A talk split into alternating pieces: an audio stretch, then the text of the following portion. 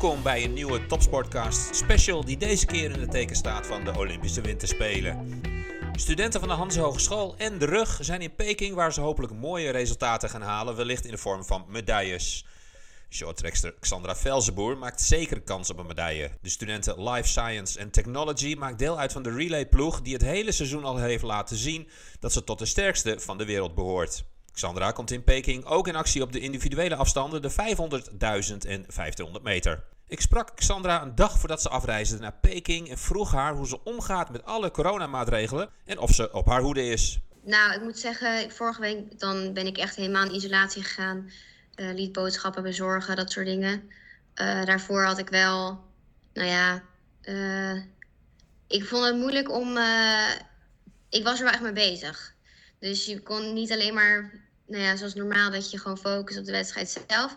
Um, speelt dat verhaal natuurlijk dan ook wel een grote rol. Um, maar nu in het hotel zitten en vorige week ook al helemaal in isolatie geweest. Um, daarvoor zie je natuurlijk ook echt niemand. Maar uh, nou ja, nu is het echt in het allerextreemste, uh, extreme, zeg maar. Dan kan ik dat wel een beetje loslaten. Heb ik wel vertrouwen dat het goed komt. Ja, en behalve trainen, hoe kom je dan de tijd door? Um, nou, ik lees, ik um, teken.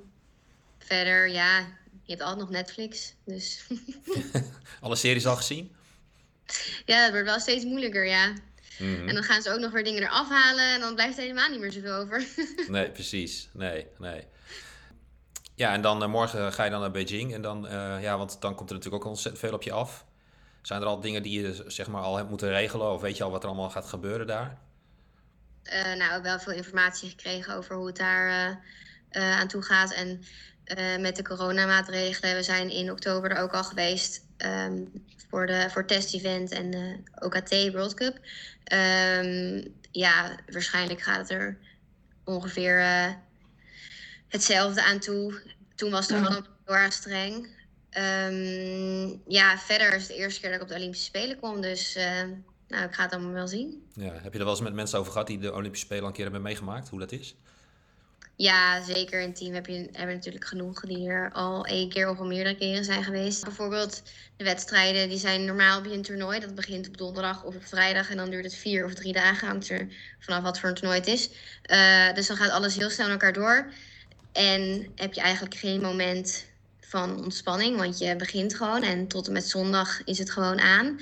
Uh, nu is dat natuurlijk verspreid over bijna twee weken. Um, dus dat is natuurlijk toch wel anders. Daarin zou je toch gewoon een keer je ontspanning moeten vinden. Anders dan sta je gewoon twee weken lang constant op scherp. En dan, uh, of ja, dat gaat je ook niet helpen tot en met het einde van die, van die twee weken. Je moet op alle dagen goed zijn dat je wedstrijden rijdt. Uh, dus dat soort dingen, hoe, je, hoe mensen daarmee omgaan. Um, nou, het is natuurlijk heel groot, hoe het in het dorp met appartementen zit. Een beetje uh, verder is het voor de anderen natuurlijk ook de eerste keer dat um, met corona zo streng is. Dus dat je het dorp eigenlijk niet uit mag. Um, ja, voor mij uh, afgelopen twee jaar, zo ongeveer uh, anderhalf jaar is het zo geweest. Dus um, ik denk dat we aan jezelf vermaken, dat zijn we inmiddels wel een beetje gewend. maar ja, dat soort dingen, daar kan je het wel een beetje naar vragen. Vorige Olympische Spelen heb ik echt heel erg gevolgd. Maar ik denk sowieso wel zomerspelen, winterspelen. ging ik eigenlijk altijd wel kijken. Uh, vinden we ook gewoon in de familie interessant om te zien. Um, dus uh, ja, ik vind het wel een mooi evenement. En ik vind het wel uh, ja, heel leuk dat ik er nu zelf mag staan. En de data van de wedstrijden, heb je die al in je hoofd? ja, zo ongeveer wel. mm -hmm. Ja, want het gaat meteen beginnen zaterdags dan, met de mixed relay. Ja. Ja, klopt. En de 500 voorrondes. Mm -hmm. Ja. Dus je mag meteen aan de bak. Ja. Hoe, uh, hoe, hoe staan de, hoe, hoe, ja, hoe, hoe voel je je? Hoe, uh, hoe, hoe voel je je uh, nu naar het nou, ik heb er wel zin in, maar we zijn er. Ik denk als ik er ben, dat je dan toch wel echt in die wedstrijdspanning en sfeer komt. Nu zitten we nog hier, is toch een beetje morgen reizen. Maar ik denk als we eenmaal zijn, dan komt dat wel meer dat je echt, nou ja, um, ook uh, het goede gevoel daarvan meekrijgt. En uh, nou ja, wordt allemaal leuk. Ja. ja. Nu voelt het een soort van ver weg. we gaan morgen al weg, dus dat is niet zo. Maar als we er echt zijn, dan is het toch even wat anders. Ja, precies. Ja. Heb je nog bepaalde doelen in je hoofd? Van, uh, dat, dat wil ik daar per se gaan bereiken? Nou, je wilt gewoon je beste races ook daar gewoon neerzetten. En uh, ik heb al, ik heb één keertje individueel podium gehaald. Um, dus ik weet dat ik wel echt meedoe in de top. Maar ik heb nou ook niet zo vaak gedaan dat ik echt uh, zeg, ik wil per se uh, op die afstand een medaille. Ik wil gewoon echt mijn beste race neerzetten. En ik hoop dat uh, dat ook in de resultaten nou ja, in uiting, tot uiting gaat komen. Hoop ik dat ik gewoon finales kan rijden. Dat soort dingen. En met de relay ja, gaan we natuurlijk wel echt voor goud. Sandra sprak al even over de kwalificatie voor de 500 meter. Deze vindt meteen plaats op zaterdag 5 februari, een dag na de openingsceremonie. En die dag vindt ook de finale van de Mixed Relay plaats. Mogelijk dat Xandra daarin ook in actie gaat komen. Verder komt ze uit op de 1000 en 1500 meter en de dames relay. Melissa Wijfje, die studeert aan de Johan Cruijff Academy op de Hans Hogeschool, is als reserve afgereisd naar Peking. Melissa wist zich niet rechtstreeks te plaatsen via het Olympisch kwalificatietoernooi en staat nu stand-by als een gekwalificeerde schaatster, bijvoorbeeld door corona, afvalt. Na het NK Allround in Heerenveen, waar ze derde werd, vertelde ze over haar rol in Peking. Ja, het is heel dubbel. Want uiteindelijk wil je gewoon zelf plaatsen. Wil je gewoon bij die negen dames horen die zich op het OKT erbij rijden. Uh, nou, dat lukte net op 200ste niet. Op de 1500, dat is heel zuur. Uh, en als je dan een reserveplek krijgt, ja, het is ergens mooi dat je het toernooi, zo'n Olympische Spelen, zo'n event mee mag maken. Maar het is niet op de positie, positie natuurlijk die je wilt. Mhm. Maar je kan nu wel aan het evenement ruiken en kijken wat er speelt, hoe groot dat is of hoe mensen het ervaren. En dan, uh, ja, gaan we naar Milaan 2026. Ja, want daar keek je natuurlijk al. Uh, toen je niet had geplaatst, noemde je dat meteen al Milaan 2026. Is dat dan meteen wat dan iets in je hoofd opkomt? Nou, niet meteen. Kijk, uiteindelijk is het eerst de teleurstelling die je even moet verwerken. Maar uiteindelijk moet je voor jezelf ook de doelen stellen. Wil je het leuk houden? Uh, en dit was eigenlijk het eerste doel die ik me had gesteld. Ik wou graag nog plek voor week allround binnenhalen. Uh, nou, derde plek niet gehaald. Uh, dus we gaan doorwerken naar volgend jaar. Ja, kun je nog even omschrijven hoe hard die klap aankwam dat je je net niet had geplaatst? Dat je zo dichtbij was. Ja, het is heel zuur natuurlijk. Uh, want je plaatst je afgelopen, ja, wat is het, drie jaar voor het WK op 15 meter.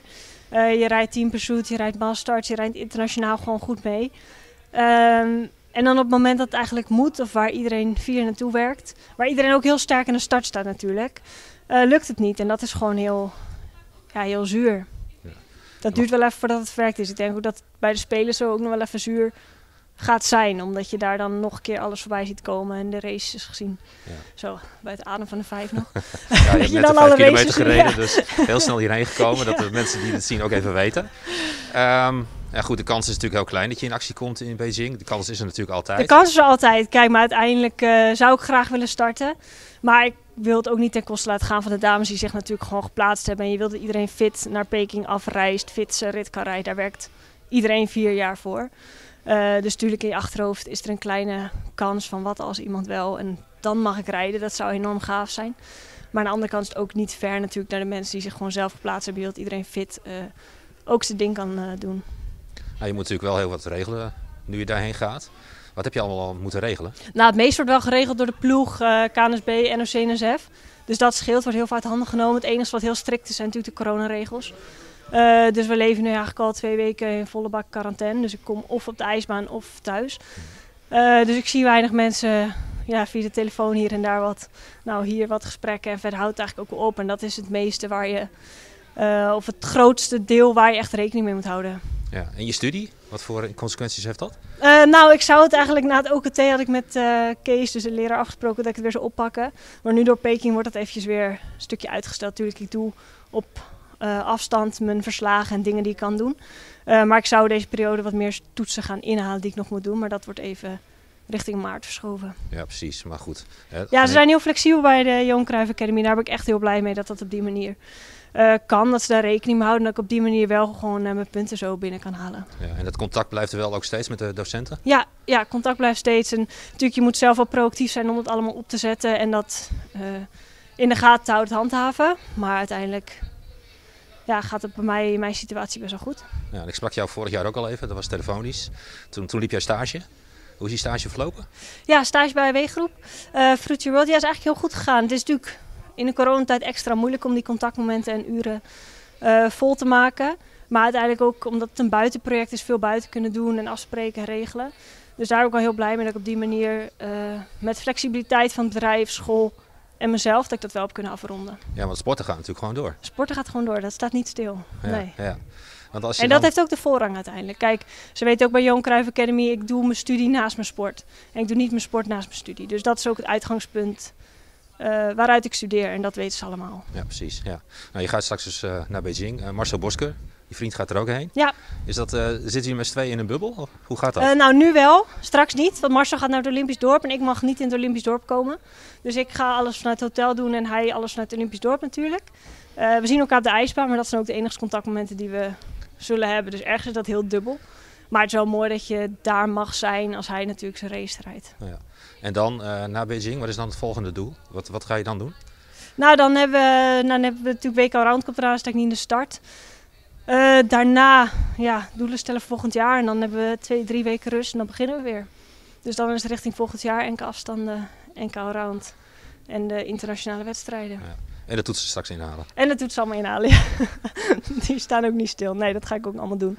En dan hoop ik volgend jaar ook in mijn afstudeerjaar te kunnen beginnen. En dat uh, ja, in begin 2023 ook te, af te ronden. Mooi, nou heel veel succes. Goede reis.